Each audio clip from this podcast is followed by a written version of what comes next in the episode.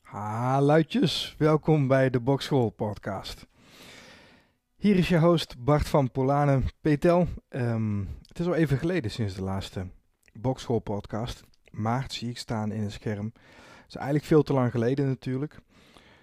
Er is veel gebeurd in de bokswereld, maar in een hele rare hoek. En ik vind het moeilijk om het samen te vatten wat de ontwikkeling nou precies is. Wat er nou precies is gebeurd in de afgelopen maanden. Um, maar ik ga eigenlijk samen met jullie ga ik proberen daar um, ja, wat woorden voor te vinden. Um, waar voormalig Disney-sterretjes nu in het middelpunt van de, van de box-belangstelling staan. En waar ontzettende pay-per-view records worden gehaald door gasten die ja, bekend zijn van YouTube. Dus dat, dus dat is heel vreemd um, in een sport waar je normaal, ja, zo, ja, zoals de term eigenlijk al wel een beetje omvat, waar je beoordeeld wordt op basis van hoe goed je een, een, uh, een sport uh, machtig bent, hoe, hoe, je competenties en je skillset zijn, versus dat van anderen en dan, en dan dat op een wereldniveau. Um, bepaalt of je goed bent en of je bovenin staat in de rankings en of je alle accolades, alle eer en het respect van het publiek krijgt, uh, dat men je graag wil zien. Dat is een beetje de manier hoe we gewend zijn om um, naar bokswedstrijden te kijken en hoe we gewend zijn, um, een pad dat we gewend zijn dat atleten moeten bewandelen als ze naar een nummer 1 positie komen. Hè, de typische weg naar een, uh, naar stardom is uh, laag beginnen, uh, from the bottom, en dan jezelf langzaam omhoog werken. Andere, in, in het geval van boksen, uh, bokser naar bokser verslaan en zo langzaam een record opbouwen, totdat je met een, ja, tegenwoordig zal dat 15 15-0 record, hè, dus 15 overwinningen tegen 0 verlies bijvoorbeeld. Hè, dan dan um, kom je vaak wel in de buurt van een title shot. Dan krijg je een, kans om kampioen te worden. Maar hè, dus dat, dat gebruikelijke pad, zeg maar, waarin iemand langzaam aan het opbouwen is naar uh, die kampioenstatus, of in ieder geval naar een contenderstatus, met de kans op kampioen. Um, en dus ook al het geld wat erbij komt kijken. En um, geld inboxen, dan, hebben we het al, dan heb je het al snel over pay-per-view nummers. Um, zoals ik al eerder heb uitgelegd in de podcast, heb je in Amerika een, um, of ja, uitgelegd, dat klinkt wat belerend, zoals ik al eerder heb genoemd in de podcast, is uh, um, het pay-per-view model in Nederland um, nieuw, of althans, dat bestaat nog niet. volgens mij via de Zone, DAZN, dat nieuwe boxnetwerk, kun je er ook al wel zo op inschrijven, een pay-per-view event. Dan betaal je bijvoorbeeld 50 dollar om een uh, wedstrijd live te kunnen zien. Maar de reden waarom dat in Nederland in het verleden niet heeft gewerkt en waarom dat in de toekomst ook niet zal gaan werken, is dat live, um, een live wedstrijd in Amerika, ja, hier betekent dat je die live om 4 uur s'nachts kunt bekijken. Um, dus om nou 50 dollar te betalen om om 4 uur s'nachts op te mogen staan. En dan een wedstrijd die bijvoorbeeld maar een minuut duurt, uh, want zo kan het boksen ook gaan, te bekijken. Dat, uh, dat is voor ons Nederlanders toch niet de moeite waard, denk ik. Voor mij niet althans. Alhoewel ik ook wel zo nu en dan hoor van jongens die het toch doen. En dat vind ik dan ook alweer uh, ja, wel grappig. Dat, uh, dat je zo fan kunt zijn van de sport dat je dat, ja, dat, je dat er gewoon voor, voor over hebt. Maar ik denk voor de gemiddelde Nederlander staat niet graag om vier uur op voor een wedstrijdje. Um, dus dat pay-per-view model dat, dat, dat werkt vooral in Amerika. Uh, daar wordt dus veel geld mee verdiend met um, ja, die bestellingen die binnenkomen. En dat, uh, dat kan als je het bijvoorbeeld over Mayweather tegen Pacquiao hebt. Nou, daar is al 200 miljoen dollar verdiend met die pay-per-view nummers. Dan heb je nog iets wat ze noemen de gate. Um, dus het aantal mensen wat daadwerkelijk naar het event geweest is. In het geval van een arena, zoals laatst bij uh, Canelo tegen Saunders. Daar past er dus volgens mij 70.000 man in, als ik me niet vergis. Of 73 waren het uiteindelijk. Uh, dus een gigantische capaciteit. En dat betekent ook een hele hoge gate. Hè. Dus we dus ja, veel geld verdient ook, zeg maar, door de, um, gewoon de plaatsen te verkopen. Dus dat is een beetje het verdienmodel van, het, um, van een bokser. En je snapt ook dat je, als je dus echt dat, die, die miljoenen wilt verdienen, dan, um, en vooral blijven verdienen, want dat is de echte truc natuurlijk, dan, ja, dan moet je ervoor zorgen dat je verkoopt. Dat je dus die pay-per-views verkoopt. Dus boksen gaat ook heel veel om showmanship. Om de show die je neerzet. In de UFC maken ze daar natuurlijk ook een, um, ja, dat is ook gewoon een, een, businessmodel. Ook in die UFC games, als je die een keer hebt gespeeld, ja, is het gewoon een onderdeel van de game dat je genoeg uh, twittert bijvoorbeeld. Hè, dat je genoeg berichten op social media plaatst om maar aan jouw uh, sterrendom te werken, zeg maar. Dus het is ook geen nieuws. Hè. We weten allemaal dat het, uh, dat het zo werkt. Maar zoals ik al zei, de afgelopen tijd ja, is, er, is, dat, is, er, is er heel wat anders gebeurd. Dus dat standaard model van die contender die opkomt en dan kampioen wordt en dan um, de miljoenen zeg maar, langzaam binnenharkt. Dat is, uh, dat is nu een beetje overhoop. Of althans, daar is een ander verdienmodel naast gekomen. Misschien ook interessant. Um, nog een ander verdienmodel in het boksen um, zijn de rijke oliesheiks. dat hebben we gezien met uh, nou, bijvoorbeeld uh, Joshua, Anthony Joshua tegen Ruiz 2. Hè, de rematch waarin Anthony Joshua wraak nam tussen aanhalingstekens. Want het was een beetje een, mag ik zeggen, een wat laffe jab-wedstrijd. Uh, technisch gezien heel slim gebokst door Joshua. Maar nou niet de meest enerverende wedstrijd om naar te kijken. Maar die wedstrijd die vond plaats in Saudi-Arabië. Um, alle ogen van de wereld staan op zo'n moment gericht op het land waar zo'n event plaatsvindt. Um, dus voor Saudi-Arabië is dat eigenlijk gewoon een een relatief goedkope PR-stunt, waar ze gewoon natuurlijk een budget ook voor hebben om hun land uh, en regio in de kijker te zetten. En door zo'n uh, wereldkampioenschap boksen binnen te halen, uh, haal je dus ook ontzettend veel aandacht naar je toe. Misschien een soort van Eurovisie Songfestival setting, maar dan, maar dan toch wel wat anders. Een ander um, of misschien moet ik dat onderwerp even afronden van Joshua. Uh, waarom ik daaraan moet denken is dat vandaag werd uh, de wedstrijd tussen Joshua en Tyson Fury aangekondigd. Um, dat lijkt toch echt op een officiële aankondiging die ook in Saoedi-Arabië dus plaats weer zal gaan vinden. Volgens mij uit mijn hoofd ook iets van 130 miljoen of misschien nog meer zelfs wat er door, die, uh, door de verschillende kampen verdeeld moet worden. Maar hè, er, wordt, er worden ja, tientallen, zo niet honderden miljoenen verdiend aan die wedstrijd. En dat, is, uh, dat komt dus niet uit pay-per-view revenue, hè, dus niet uh, door die pay-per-view inkomsten, niet uit de, um, de stoelen die verkocht worden voor het event zelf, maar gewoon puur door rijke oliesheiks die die bokswedstrijd gewoon willen ehm, zien in, in hun natie. Dus dat, dat bracht me bij dat verdienmodel, want dat, dat zie je ook de afgelopen jaren dus opkomen.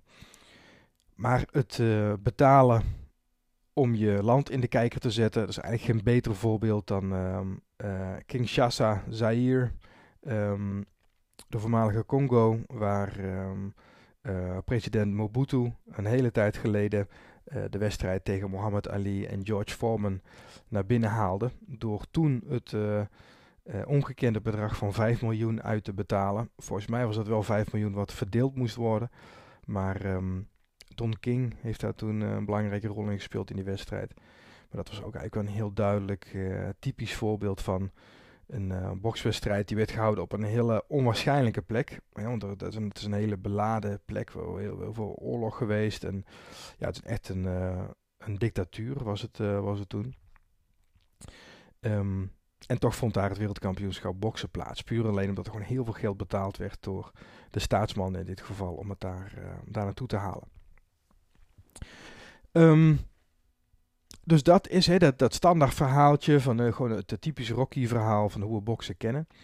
Dat ging misschien voor het eerst op de schop toen Conor McGregor tegen Floyd Mayweather werd aangekondigd. dat was eigenlijk de eerste keer dat, um, dat een freakshow, zoals we dat van de, de K1 bijvoorbeeld wel gewend zijn. Dan had je uh, zo'n grote sumo-worstelaar tegen een kleine Thai-boxer bijvoorbeeld. Of uh, Hong Man Choi, die gigantische Koreaan, tegen Mighty Mo of zo. En van dat soort ja, freak shows. Die kenden we wel. Ander voorbeeld is natuurlijk Muhammad Ali tegen Antonio Inoki. Um, een hele rare, ja, zeg maar, vechtsportwedstrijd. Waarin uh, um, de Japanse Inoki uh, onder de knie mocht trappen. En Ali dan mocht, uh, mocht slaan, maar niet schoppen. Ja, het was een hele, een hele vreemde wedstrijd. Um, dus, we hebben, dus in de geschiedenis hebben we wel eerder freakshows gezien. Daar zijn we best bekend mee. Maar Conor McGregor tegen Floyd Mayweather, ja, dat was toch niet echt een freakshow. Weet je, het werd uh, gepromoot als twee vechters die tegen elkaar gingen vechten. Two fighters. Um, eentje uit MMA en eentje uit de boksen. Maar eigenlijk klopt dat natuurlijk niet helemaal. Want um, ja, als je een basketballer laat voetballen, dan zijn het inderdaad twee balsporters. Of twee sporten met een bal. Maar het is een hele andere set of rules. Een heel ander kader waarin je waarin je werkt. En uiteindelijk is het gewoon een MMA-vechter die een bokswedstrijd ging doen. En niet zomaar een bokswedstrijd, maar ook nog eens tegen ja, een van de meest succesvolle boxers aller tijden, Floyd Mayweather. Dus het was geen freakshow, McGregor tegen Mayweather. Het was wel een spektakel, het was ook entertainment. Het, uh, het was geen uh, exhibition bout. Hè, dus um, bijvoorbeeld Tyson tegen Jones, dat was een exhibition fight. Of ook uh, Floyd Mayweather tegen, ik ben even zijn naam kwijt, maar die um, Japanse kickboxer. Dat is de meest uh, recente wedstrijd van, uh, tussen aanhalingstekens, van Floyd Mayweather, Floyd Mayweather geweest. In Japan dus. Um, maar het, was, het was geen exhibition fight, maar echt, echt een sanctioned fight. Dat betekent dus echt met een winnaar die uitgeroepen wordt. Um, gewoon normale rondes en een beetje de normale um, boxregels. En ook als Floyd zou hebben verloren uh, tegen Conor McGregor, ja, dan zou hij dus, uh, um, wat was het toen, 49 en 1 zijn in plaats van de 50 en 0 die hij nu is, als ik me niet vergis. Dan was het gewoon een verlies geweest op zo'n record. En tegen die exhibition fight, tegen die Japanse kickboxer, als je dan verliest onze Mayweather, ja, dan had het niks uitgemaakt voor zijn, um, voor zijn boxrecord. En hetzelfde geldt ook voor Floyd Mayweather tegen Logan Paul, die binnenkort ingepland staat, de YouTuber. Als hij daar verliest, ja, dan blijft hij nog steeds 50-0. Um, ehm, maar McGregor tegen Mayweather dus, hè, dat begin eigenlijk van die rare, rare um, stroming die momenteel boksen wat chaotisch maakt en uh, de veel de vechtsportwereld eigenlijk een beetje op zijn kop zet. We weten niet goed wat we daarmee moeten. Het is allemaal begonnen met McGregor en Mayweather. Geen freakshow, ook niet echt boksen, maar nieuwsgierigheid, denk ik. Vooral nieuwsgierigheid, um, interessante karakters. Het is natuurlijk ook vooral Conor McGregor die dat verkocht. En die wedstrijd heeft gewoon gigantisch goed gedaan. Dat maakt het ook nog eens zo raar. Als me niet vergis staat hij op de tweede plek. Dus de eerste plek is uh, Floyd Mayweather tegen Manny Pacquiao. Het meeste geld ooit verdiend. Daarna komt Conor McGregor tegen Floyd Mayweather. Dus dat is natuurlijk bizar dat in de top 10 van meest um, verdienende bokswedstrijden aller tijden, dat er op nummer 2 een, uh, een wedstrijd tussen een MMA-vechter en een bokser staat. Waar, waar, waar niveau dus eigenlijk helemaal geen rol speelde. Waar waar het echt om nieuwsgierigheid en um, entertainment ging. En achteraf gezien, nu met, met de kennis van nu, met Jake Paul en Logan Paul en uh, De La Hoya die terugkomt, met Tyson en Jones die uh, op late leeftijd zeg maar nog uh, natuurlijk onlangs hebben gebokst in een exhibition wedstrijd. Al die dingen die eruit voortgekomen zijn, zijn eigenlijk hartstikke logisch. Want ik heb, ik heb er nooit bij stilgestaan dat Mayweather tegen McGregor, dat dat het begin was van iets. Maar hoe kan het anders iets zijn dan een begin? Als je zo ontzettend veel geld kunt verdienen, zoals McGregor en Mayweather hebben gedaan. En de formule is eigenlijk vrij, vrij simpel. Hè? Je, je, je maakt mensen nieuwsgierig. Je hebt een underdog, je hebt uh, iets, iets uh, onverwachts. Hè. Gaat, gaat die MMA-vechter, gaat die um, iets in te brengen hebben tegen die bokser? Uh, je hebt altijd die lucky punch, hè. je hebt de puncher's chance. Je, kan, dat is, je hebt altijd, zeg maar, net zoals die opstoot van McGregor tegen Mayweather. Er is altijd die stoot waarop die andere neer kan gaan. Die nieuwsgierigheid, ja, dat, is de, dat was de succesformule. En wat we nu zien is dat die keer op keer gekopieerd wordt. En niet alleen dat, van die MMA-vechter tegen een uh, echte bokser. Maar dat we allerlei variaties daarop zien die het ook gewoon supergoed doen in de cijfers. En niet alleen in de cijfers, maar die ik stiekem misschien ook wel gewoon heel erg leuk vind. Dus ik vind het misschien ook wel een hele leuke ontwikkeling, maar ik, ik weet het niet goed. Nou, misschien kunnen we samen, samen eens doorheen lopen. We hadden dus McGregor tegen Mayweather. En of het net daarvoor was of net daarna, maar rond die tijd hadden we ook de wedstrijd tussen Logan Paul en KSI. Nou, als je ouder bent dan, uh, zullen we zeggen, 30, dan ken je Logan Paul misschien, maar KSI wordt dan, wordt al wat minder waarschijnlijk. Uh, ben je in je tienerjaren nu en je, en je beluistert dit, dan, uh, dan zeg je ja, natuurlijk Logan Paul en KSI. En wie is die Floyd Mayweather waar jij het over hebt? Um, maar Logan Paul is een YouTuber, Um, een, beetje een surf dude. Zijn broer is Jake Paul. Um, maar Logan Paul is een, uh, is een uh, dus echt, echt een YouTuber. Gewoon groot geworden, gigantisch groot geworden met social media posts. grappige vines en zo, daar heeft hij ook veel mee gedaan. Gewoon grapjes maken, zo. Dat was het. Maar dus een social media influencer. En KSI is dat ook. Um, een, een gast uit Engeland. En um, die twee hadden een beef, een online beef. En dat zouden ze dan in de ring gaan settelen. Logan Paul tegen KSI. Nou, lang verhaal kort hebben ze dat twee keer gedaan. Um, twee keer tegen elkaar gebokst. Voor de eerste keer was met uh, hoofdbescherming, een beetje meer amateur was dat. En de tweede keer um, hadden ze denk ik iets beter getraind ook. Um, die KSI werd door het team van Mayweather getraind. En Logan Paul door Shannon Briggs, nou, dat, de voormalig zwaargewichtkampioen. Dat gaf vooral heel veel hype aan het hele verhaal. De wedstrijd zelf was, uh, ja, gewoon amateurklasse. Ga, ga naar de Breda's ring of naar uh, een uh, wedstrijd in Helmond of Rotterdam of Amsterdam. Gewoon een, een, een random amateurwedstrijd. En je ziet 9 van de 10 wedstrijden zullen beter zijn dan wat je tegen van Logan Paul en KSI hebt gezien. Maar dat maakt niet uit, hè. Iedereen die de ring instapt, dat doe ik mijn petje vooraf. Dat is hartstikke knap.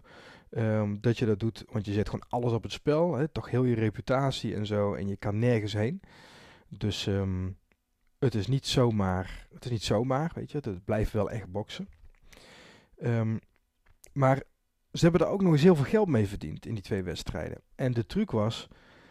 En dat is ook eigenlijk hartstikke logisch als je het zo zegt. Maar ze hebben een gigantische following. Hè, dus die, die influencers die hebben een gigantische following. En het enige wat zij dus eigenlijk hoeven te doen om pay-per-views te verkopen, is gewoon simpelweg dingen posten op hun Instagram, Facebook, wat dan ook.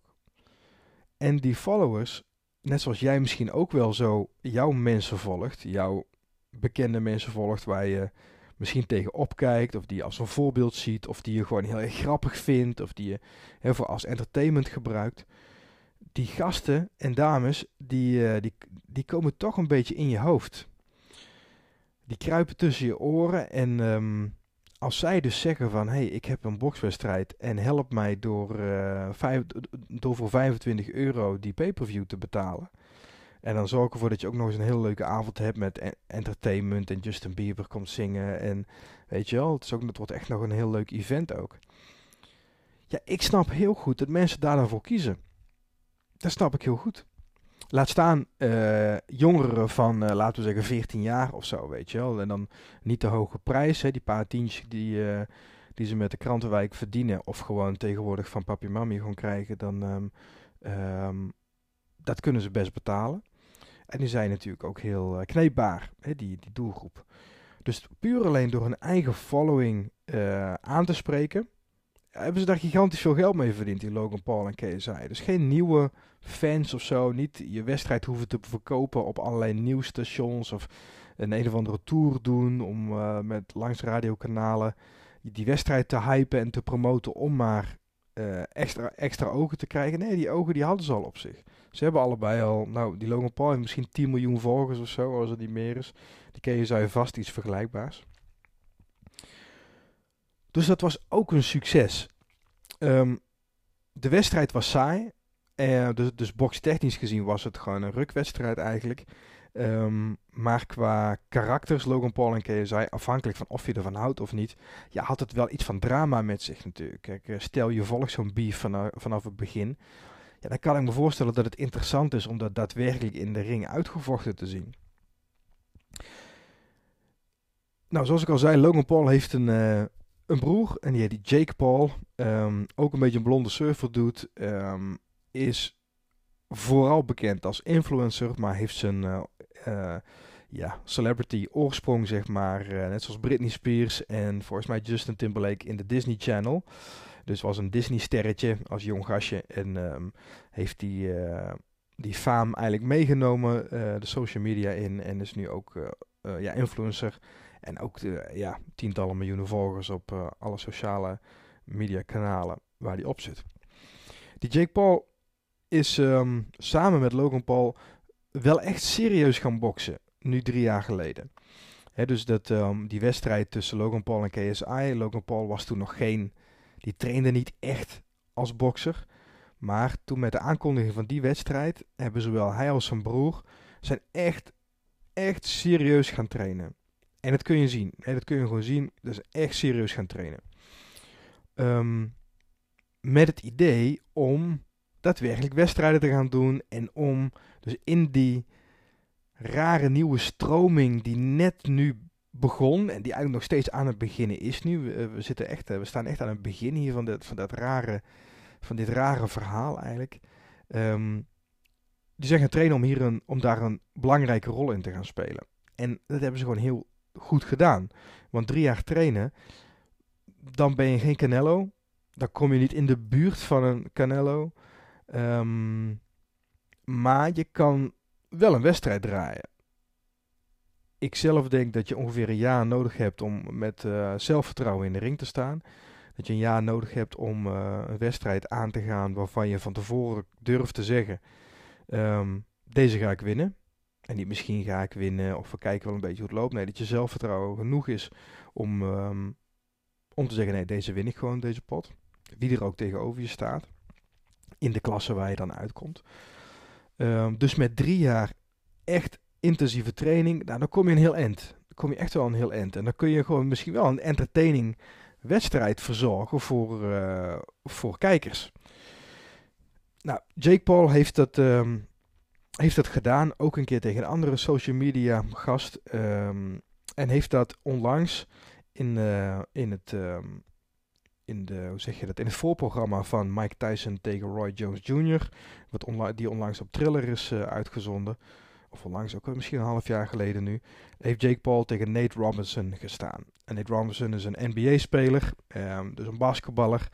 En uh, die hadden ook een beetje een beef. Ja, natuurlijk allemaal goed gehyped ook om, om die wedstrijd wat extra uh, ja, interessant te maken. Maar Jake Paul is dus een getrainde bokser. En Nate Robinson is dat, was dat duidelijk niet. Hij had wel wat gedaan aan voorbereiding, maar was vooral gewoon iemand die bekend was geworden met de basketballen. En uh, is toen eventjes in een boksen gedoken. Nou, die heeft ook in die wedstrijd heeft hij gedoken. Heeft een flinke klap gekregen van, uh, van Jake Paul. Knockout gegaan. Um, en Jake Paul stond dus in die touwen in, de, in, het, in het voorprogramma van Mike, Mike Tyson tegen Roy Jones Jr., ongeacht hun leeftijd, toch twee serieuze boxers.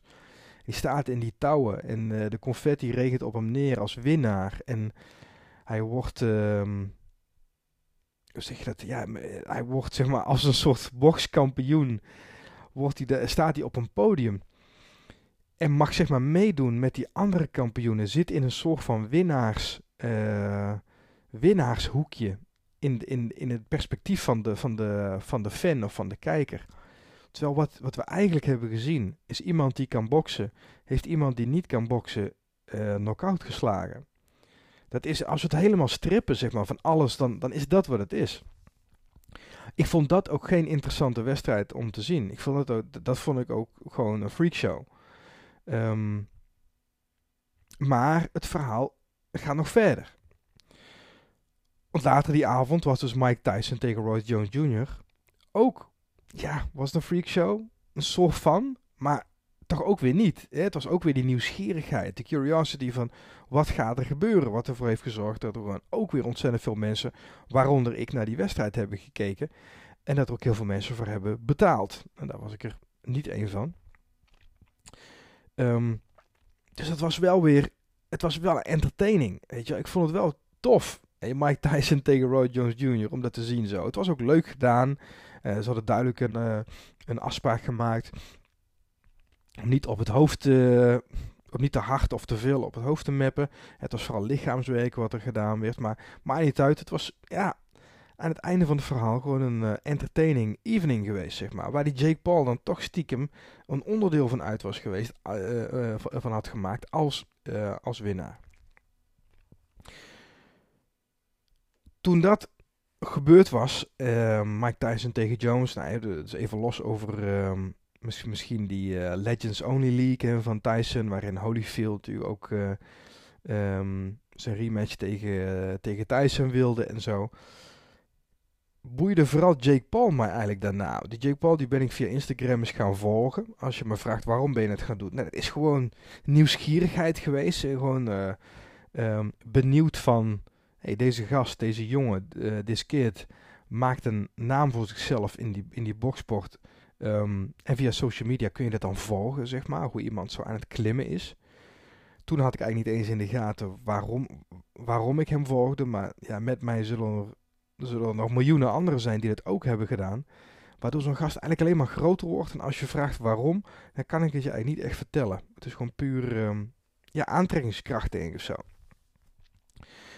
Um, Jake Paul heeft toen een uh, wedstrijd aangekondigd tegen um, Ben Askren. En Ben Askren is een voormalig One-kampioen. Is volgens mij in hij volgens mij ook kampioen geweest. Volgens mij in twee verschillende organisaties in ieder geval. En de, en de ontbrekende titel was dan de UFC Championship. En um, um, Ben Askren was uitgewisseld met Demetrius Johnson. Uh, een lichtgewicht uh, MMA-vechter, maar wel een hele goede. Um, dus het was, was, de eerste en volgens mij ook de laatste trade. Een soort wissel uh, tussen de UFC en One FC. Um, en Ben Askren werd een UFC-vechter. Lang verhaal kort, werd geen succes voor uh, Ben Askren. Um, ging knock-out in een paar seconden door een knie van uh, Jorge Masvidal. Um, en Ben Askren ging met pensioen. Tot een paar maanden geleden. en Jake Paul Ben Askren uh, als mogelijke tegenstander noemde in een van zijn posts. En Ben Askren accepteerde die wedstrijd. Dus die wedstrijd tussen Jake Paul en Ben Askren stond ineens in de agenda. En dat was interessant. Want Ben Askren, als je het aan uh, bijvoorbeeld een, um, een uh, Brandon Sharp, hè, een voormalig UFC-vechter, een nu invloedrijke podcaster, maar ook een Dana White zou vragen van de UFC, van hey, die Ben Askren, hoe, uh, uh, hoe gaat hij het doen tegen die Jake Paul? Dan werd er zonder blik of bloos werd gezegd, Ben Askren gaat natuurlijk winnen. Want hij is een MMA-kampioen geweest. Hij is een atleet, een topatleet. Hij is uh, een, goud op de Olympische Spelen voor worstelen behaald en zo. Dus je had die kant die zegt van ja, die Ben Askren natuurlijk gaat hij winnen. En je had de andere kant die zegt van ja, Jake Paul kan serieus boksen hij is geen pannenkoek, die gast kan gewoon serieus boksen. En Ben Askren is gewoon een worstelaar.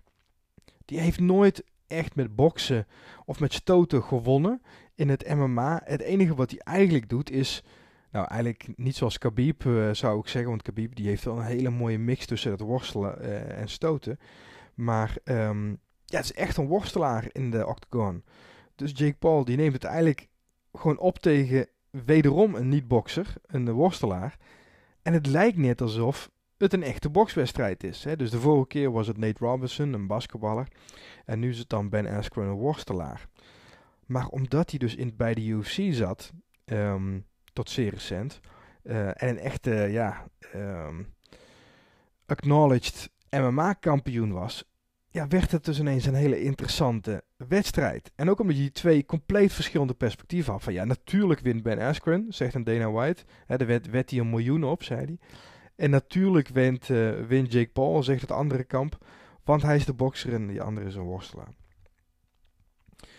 Um, dat was onlangs, volgens mij een paar weken geleden, die, uh, die wedstrijd. Uh, spoiler, Ben Askren ging in de eerste ronde zwaar knock-out. Ben Askren zag eruit als een pannenkoek toen hij, um, als hij op de pads aan het werken was. Ik heb een aantal trainingsvideo's proberen op te zoeken van, jongens, dit kan toch niet echt het tempo zijn waar die gast mee stoot. Dit kan toch niet echt het stootwerk zijn van een UFC-kampioen. In mijn beleving was, is iemand die in de UFC of in, de, um, of in, de, um, in het MMA een, uh, een kampioen is, ja, die moet alles hebben. Weet je, die, met alleen worstelen, ja, in mijn beleving red je het dan niet. Maar wat blijkt, ja, dat red je dus wel. Want die Ben Askren, die kan gewoon niet boksen. Die is zo sloom. En in de, in de, in de pre-fight hype hebben ze er een heel mooi verhaal van gemaakt. Van, ja, maar hij heeft een rare timing en hij is gewoon heel sterk. Maar hij zag er niet uit qua, qua um, fitheid, zeg maar. Ja, het echt halve bak getraind. Dat, uh, je lichaam vertelt dat verhaal gewoon. Um, hij, had de techniek niet. Hij heeft met Freddy Roach een paar weken getraind. Uh, legendarische trainer van, uh, van Manny Pacquiao onder andere. Um, en trainer in de Wildcard Gym. Um, de, de gym van Freddy Roach. Maar ja, die week hebben we gewoon niets uitgehaald. En hij is zwaar gestrekt gegaan in een paar, uh, paar tellen. Lag dat nou aan dat Ben Askren zo slecht was of dat Jake Paul zo goed was? Ben Askren is niet zo slecht. Uh, Jake Paul is ook niet zo goed. Maar ja, het verschil was groot genoeg om uh, er eigenlijk een no contest van te maken. Weet je, het was eigenlijk gewoon no contest. Net zoals met die basketballer Nate Robinson een paar maanden eerder. Op die avond um, zong Justin Bieber. Snoop Dogg zat aan de, aan de zijkant. Uh, Oscar de la Hoya zat in de, de commentator room. Um, allerlei celebrities waren, waren ingevlogen. Het was een gigantisch spektakel. Um, en ook hier werd dan weer aan Jake Paul een triller kampioensgordel uitgereikt. Terwijl die door gouden confetti weer beregend werd. Um, waardoor het hele event leek alsof we een soort van kampioenschap aan het kijken waren. Wat wederom gewoon een aardige bokser tegen een niet-bokser was. Maar, maar waar we gewoon met z'n allen weer gewoon ingetrapt zijn of zo. En niet ingetrapt als in van kak, ze hebben, ze mijn geld gepakt of ik heb mijn tijd verdaan of zo. Maar meer van ja, het was nog leuk ook. Weet je, het was nog entertaining ook om te zien eigenlijk. Ik ben best wel meegenomen in die pre-fight hype in de weken daarvoor. Misschien jij ook als je het hebt, uh, een beetje hebt gevolgd. En het was best wel leuk, dat hele verhaal. Weet je, op zondagochtend kijken naar die wedstrijd. En ja, dat was best wel leuk. Was leuker dan, dan gewoon een, uh, de nummer 3 tegen de nummer, de, de nummer 6 of zo van de UFC, weet je wel. Of een paar boxers die ik eigenlijk niet ken, of die, waarvan ik de verhalen niet ken. De, het, drama maakt toch de wedstrijd. En in de boksen was dat altijd ook zo. Maar, maar, maar, uh, maar nu dus helemaal. Maar vroeger wat je in een box had, was dat je pas het recht kreeg om jouw dramatische verhaal te mogen vertellen als je een bepaald niveau had bereikt. En nu mag je dat dramatische verhaal over jouw verhaal, over, jou, over jouw leven bijvoorbeeld, vertellen als je gewoon heel veel followers hebt. Want die luisteren daar graag naar. Weet je wel, van wie ben jij, waar kom je vandaan, wat zijn je drijfveren en zo. Um, en dat, dat zet de boel gewoon helemaal op zijn kop. Dus sinds die wedstrijd van Jake Paul tegen Ben Askren hebben we um, uh, Anderson Silva, Anderson de Spider Silva tegen Julio Cesar Chavez Jr., die nu aangekondigd is. Dus Silva tegen Chavez Jr., een bokswedstrijd, ook weer een heel bekende MMA-ster, op zijn retour, weg van de UFC, gaat tegen een bokser. We hebben Holyfield tegen McBride. Evander Holyfield is, hoe oud is hij? 93 of zo? Maar niet, hij, hij is oud, in de 50. En Kevin McBride is eigenlijk ook nooit een echt een goede bokser geweest, maar hij is, is, is bekend, heeft faam gekregen door het uh, verslaan van uh, Mike Tyson. Het is de laatste eigenlijk die Mike Tyson toen verslagen heeft. Ehm, eigenlijk toen Mike Tyson er helemaal geen zin meer in had. En ehm, ja, die, die, die was ook eigenlijk al helemaal klaar met dat boksen toen. En nu krijg je de wedstrijd tegen Holyfield, van Holyfield tegen McBride, Kevin McBride. Heel vreemd. We moeten daarvan vinden. Misschien nog de minst interessante van het hele rijtje. Um, en dan, en dat was ook de trigger waarvoor ik dacht van, joh, ik, ik wil hier gewoon graag even met jullie zo in een podcast hierover praten. Uh, werd er gesproken over de wedstrijd tussen Oscar de la Hoya, die terug aan het komen is. Die gaat zijn comeback maken. Die gast die staat stijf van de kook, is de weg kwijt. Um, een zelfbenoemd alcoholist. En, wat, en, en dat, dat klinkt heel negatief als ik dat zo zeg, maar het is vooral een smet op de legendarische status die hij heeft verdiend. Weet je wel, ik vind het zo jammer. Het is zo'n legende, een levende legende dus nog, die, um, die dan toch ja, zoveel moeite heeft met uh, het laten staan van die shit, dat die, uh, dat die legende die hij heeft opgebouwd in al die jaren, in heel zijn leven eigenlijk, dat die gewoon uh, uiteenbrokkelt. Want het wordt een beetje een karikatuur zo, die, die Oscar de la Hoya. Maar wat ik las is dat Oscar de la Hoya tegen GSP, eh, tegen George St. Pierre, een, wel een legit echte gast, hè, die, een echte MMA-ster, die um, volgens mij nu rond de 40 jaar is of zo. Dus misschien nog één goede wedstrijd, één zo'n comeback um, uh, in zijn vuisten heeft. Hè, de, de, de comeback van uh, George St. Pierre tegen Khabib Nurmagomedov zou, um, ja, dat zou de wedstrijd zijn eigenlijk die, uh, die de UFC zou kunnen maken. Maar Khabib lijkt echt afscheid te hebben genomen van het actieve MMA-spel. En wat ik las is dat uh, de UFC nu George St. Pierre tegen heeft gehouden om een bokswedstrijd tegen Oscar de la Hoya te gaan um, inplannen. Uh, George St. Pierre heeft officieel nog een contract met de UFC. En de UFC kan dus, als ze willen, een, uh, een van hun vechters verbieden om andere events in te plannen. Al is het een bokswedstrijd, dus geen, dus geen MMA, um, omdat ze nog onder contract staan. En um, ja, Dana White gaat vrij hard op uh, Triller, zeg maar. Die uh, uh, Triller is dan de organisatie, eigenlijk de meest vooraanstaande organisatie die deze, die deze ja, celebrity shows, deze um, ja, freak shows wil ik het dus niet noemen, maar die deze, zeg het eens, bekende YouTube boxwedstrijden of MMA tegen box, boxwedstrijden um, faciliteert. Hè, Triller, dat, uh, dat platform. Die, uh, die willen contact met Dana White om, om eigenlijk een beetje uit die vijver van de UFC te vissen.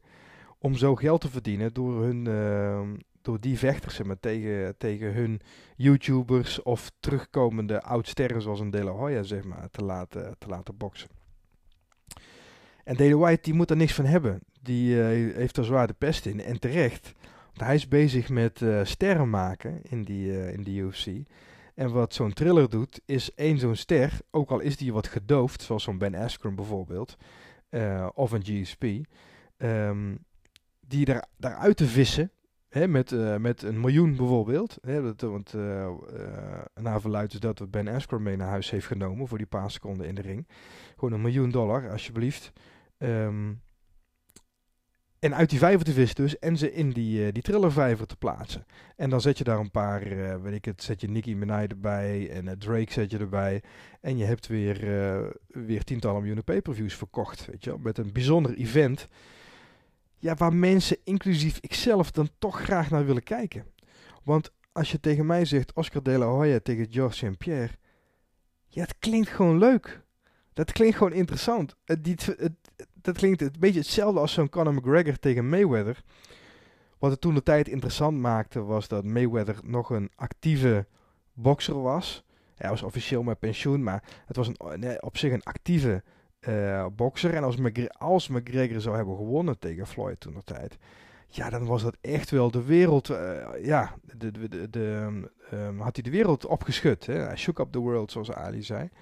Um, en hier zou dat niet het geval zijn. De La Hoya is, uh, ja, dat, dat, dat, die, is, dit is geen schijn meer zeg maar, van wat hij vroeger was. Um, en GSP, ja, die is nog wel fit. Um, dus die wereld die zou niet meer zo uh, opgeschud worden als uh, George St. Pierre zou winnen van uh, De La Hoya in het spel van De La Hoya. Want we wel wezen, die MMA'ers die hebben eigenlijk de ballen hier. Die boxers doen gewoon wat ze, wat ze al gewinnen, gewend zijn en kunnen. Maar die MMA'ers die, de, of die de, de ring instappen, ja, dat zijn eigenlijk de, de lefgozers. Um, er zijn er maar een paar. James Tony schiet er binnen, die het andersom hebben gedaan. Hè, die, misschien Ray Mercer ook. Um, boxers die de octagon in zijn gestapt. Want ja, dan krijg je in één keer uh, knieën, ellebogen, et cetera te verwerken. Chokes natuurlijk, heel het eh, BJJ-verhaal. Maar De La Hoya tegen George St. Pierre, ja, ik zou die wel willen zien. Waarom? Vind ik moeilijk. Is het een freakshow, De La Hoya tegen George St. Pierre? Nee, ik vind het gewoon niet het juiste woord ervoor. Maar wat ik zie en wat jij ook ziet, ben ik van overtuigd, is dat deze ontwikkeling nu. Waar gaat dit heen? Weet je wel, waar gaat dit heen? We hebben dat, dat uh, celebrity boxen, dat hebben we al wel gehad. Dus gewoon puur twee mensen naast elkaar zetten, of influencer boxen bijvoorbeeld. Uh, hier in Nederland hebben we dat dan gezien. Dat is leuk om naar te kijken, op zich aardig. Er zaten toch ook wel een paar jongens bij toen die echt wel getraind waren en die konden boksen. Um, maar het MMA tegen boksen, zo in dit geval, of YouTubers tegen boksen, uh, of YouTubers tegen, die boksen tegen MMA'ers. Nou ja, misschien moeten we er nog even over nadenken voor een mooie term of zo, die dit mooi samenvat. Dat gaat, uh, dat gaat iemand vast doen een deze dagen.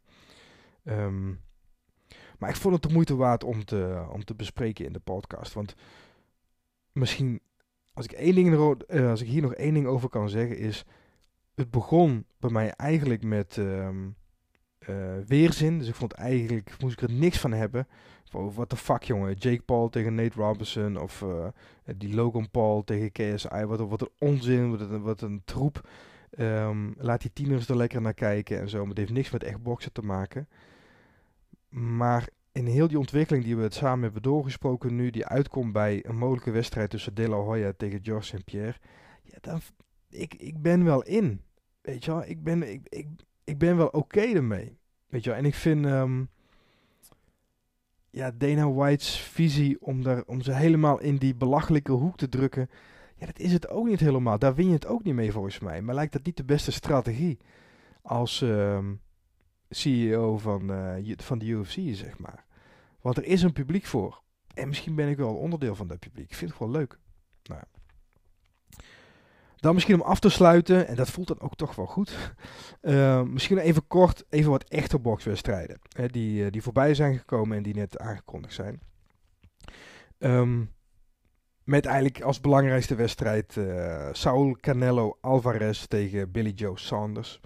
Um, de laatste podcast was de preview van die, van die wedstrijd. Ik was de wedstrijd aan het kijken en ik stond, wel van, ik stond ervan te kijken hoe goed Billy Joe Saunders um, Canelo bezig hield. Voor mijn gevoel um, was Saunders net zoals Mayweather was. Apart genoeg, hij bewoog snel genoeg, bewoog, uh, zou nou zeggen, had veel schijnbewegingen, veel trickshots, zeg maar, eh, veel, werkte veel van de buitenkant, waardoor Canelo afstand ging bewaren. En dat deed hij bij Mayweather ook. Hè. De, de wedstrijd tegen Mayweather um, was Canelo zijn, enige, zijn eerste en enige verliespartij. Um, en je kan in die wedstrijd tegen Mayweather zie je dat Canelo gewoon puzzeld was. Hij, wist niet goed wat hij aan moest met die Mayweather die zo apart bewoog en snel was. Wegdraaide, clinchte, een paar stoten zette en, weer weg was, zeg maar. Hij was gewoon, uh, ja, um, uh, outclassed in die, in die wedstrijd. En ik dacht in de eerste paar rondes, dacht ik hetzelfde te zien gebeuren met uh, Billy Joe Saunders tegen Canelo. Dus Billy Joe bewoog ook raar en zo. En Canelo leek ook geen antwoord te hebben op het snelle werk van Saunders. Nog een paar rondes vorderden en de, de, de middle rounds, zeg maar, die gingen voorbij. En je zag dat Canelo ging inzetten op een... Die had een duidelijke strategie. De eerste rondes laat, laat Saunders maar bewegen. Ik gooi harde stoten, harde stoten. Ik ga niet mee jabben. Ik ga voor de knockout hard knallen en dat was het. Um, en dat is risico. Dat is heel risicovol. Want als je dat doet, en dat deed hij dus, dan kan het zomaar zijn dat je zes rondes verliest. op de kaart. Hè, omdat je alleen maar voor die harde stoten gaat en die knockout niet krijgt. Terwijl die andere, Sanders in dit geval, met veel stoten, veel, veel combinaties, wel de punten binnenhaalt en dus ronde na ronde wint. Ja, dan kom je op een gegeven moment in een rekensommetje waar, waar je niet meer goed uitkomt. Hè, dus als je meer dan zes, zes rondes verliest, uh, uh, verliest um, ja, met twaalf rondes um, op de klok, kun je het nooit meer winnen. Ja, of je moet die knockout dus scoren, zeg maar. En om daar nou alles op in te zetten, dat is wel een groot risico. Dat moet je durven. En als ik terugkijk op die wedstrijd, dan durfde Canelo dat. Dan had Canelo zoveel zelfvertrouwen in zijn knockoutkracht, dat hij, en zo komt, zo komt het echt op me over, dat hij wist dat hij in die ronde 8, of, rond die rondes in ieder geval, rond, die, um, rond, rond twee derde van de wedstrijd, uh, Saunders wel knockout zou kunnen mappen. Die rechtse opstoot ook, die gooide hij vanaf het eerste moment al met alle kracht die hij had, Canelo. Um, hij had duidelijk video bestudeerd, of de trainer van Canelo had het gedaan, waarin hij kon zien dat Billy Joe Saunders naar links dook, naar links voordook. En dat is natuurlijk een gevaarlijke uh, beweging um, als je die probeert op te gaan vangen met een uh, rechtse opstoot. Hè, wat uiteindelijk de stoot was die uh, het gezicht van Billy Joe Saunders brak. Want dat was wel wat er aan de hand was. Dus Canelo tegen Saunders vond ik een uh, toffe wedstrijd om te zien. Um, ja, had eigenlijk ook wel gewoon delivered, zeg maar, wat ik had verwacht. Weet je wel, een toffe wedstrijd, snel, snelheid tegen, snelheid tegen kracht. En iets anders wat ik leuk vond, um, is dat in alle pre-fight hype en alle interviews en zo, heb ik een kant gezien van Canelo die ik nog niet eerder heb gezien. Um, en dat is een beetje zijn privéleven. Hij vertelt uh, open en bloot uh, over uh, ontvoering van, volgens mij, van een familielid bijvoorbeeld, voorafgaand aan de wedstrijd, dat hij COVID heeft gehad en zo. Echt um, de persoon Saul Alvarez kwam echt naar voren in die, in die weken rondom Canelo tegen Saunders. En um, ik ben wel een fan geworden. Ik was in het begin, als ik eerlijk ben, toch misschien een beetje een een hater, zoals ze dan zeggen. Uh, ik vond het een beetje arrogant, uh, arrogant gastje.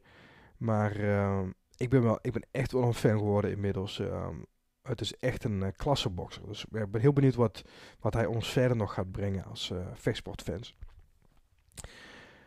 Dan, zoals ik al zei, is ehm, Tyson Fury tegen Anthony Joshua aangekondigd. een hele belangrijke wedstrijd. Hier in Nederland niet zo.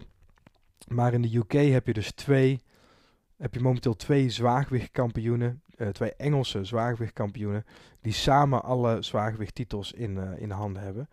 En die, als die twee tegen elkaar zouden komen te staan, dan zou je dus een clash van de UK Giants hebben eigenlijk. Hè. Twee, uh, twee zwaargewicht Engelsmannen die samen dan gaan strijden voor de wereldtitel. Nou, in Engeland is het natuurlijk een, ontzet, een ontzettende big deal. Maar Tyson Fury heeft in Amerika ook een naam gemaakt. Uh, vooral um, met zijn mental health verhaal. Uh, hij, is, um, hij heeft een flinke depressie gehad. Nou, in Amerika um, wordt daar heel open over gesproken. Veel mensen hebben daar ook last van. en Tyson Fury heeft met die, met die mental health in Amerika en, het, en de winst op Deontay Wilder, Wilder laatst... Uh, heeft hij ook echt wel naam gemaakt. Uh, ook in WWE zie ik hem ze nu een rolletje spelen. Dus um, de wereld, dus Tyson Fury heeft de wereld wel aan zijn kant. Anthony Joshua is natuurlijk ook een um, hele populaire bokser. Heeft wel wat aan populariteit moeten inleveren door zijn verlies tegen Ruiz een hele tijd geleden. Um, maar die twee tegen elkaar, dat wordt wel echt spektakel. de wedstrijd zelf Tyson Fury zie ik persoonlijk niet zo graag boksen. Ik vind een beetje een slordige bokser. Maar zoals ik al zei, drama maakt wedstrijden. En uh, als hij iets doet, is het wel drama brengen. Onze Gypsy King. Uh, want hij weet het mooi te verkopen. Het meest recente nieuwtje hier, uh, hier rondom is dat de rechtszaak die Deontay Wilder heeft aangespannen tegen Tyson Fury door Wilder gewonnen lijkt. Um, er zat namelijk een rematch clause, uh, een, um, rematch clausule in het contract voor de, de wedstrijd, de tweede wedstrijd dus, uh, tussen Tyson Fury en Deontay Wilder. Dat betekent eigenlijk als je verliest, dan heb je recht op een rematch.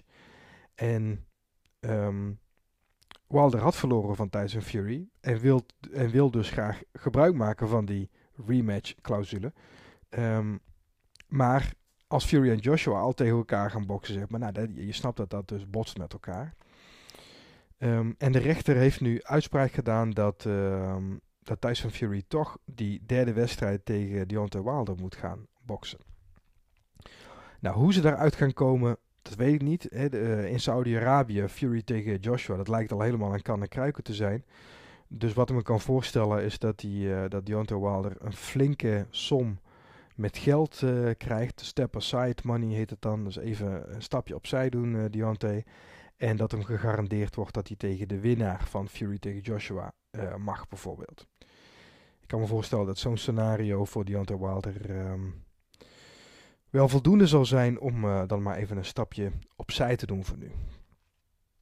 Maar er zit dus wat zwaargewicht spektakel aan te komen nu. En dat is altijd goed voor het, voor het boksen en de versport in het algemeen, zou ik zeggen. Leuk om zo eventjes uh, dat hele thriller en MMA, YouTube, boxverhaal zo samen door, uh, door te lopen. Um, ik ben benieuwd wat jij ervan vindt. Uh, ben ik oprecht benieuwd of je het ook leuk vindt. Of je de, het misschien, ja, toch ook maar, ook maar freakshows vindt allemaal. Of dat je toch stiekem ook wel gewoon leuk vindt om een Anderson Silva tegen Chavez Jr. te zien of zo, weet je wel. Um, want het lijkt me eigenlijk dat, ja, vooral als het gratis is, hè, um, dat, ja, daar kijk je toch gewoon naar, weet je wel. Het is niet dat er nou zoveel aanbod is aan goede wedstrijden, vooral nu met corona, dat, uh, dat je zo picky kunt zijn om, uh, om daar niet naar te kijken, zeg maar. Weet je. Misschien is het een beetje zelfs met een auto-ongeluk. Ja, daar, daar, als dat aan de kant van de weg, daar kun je ook bijna niet, niet naar kijken. Nou ja. Dit was hem weer. Bedankt voor het, uh, voor het luisteren. En uh, we spreken elkaar weer in de volgende podcast. Hi.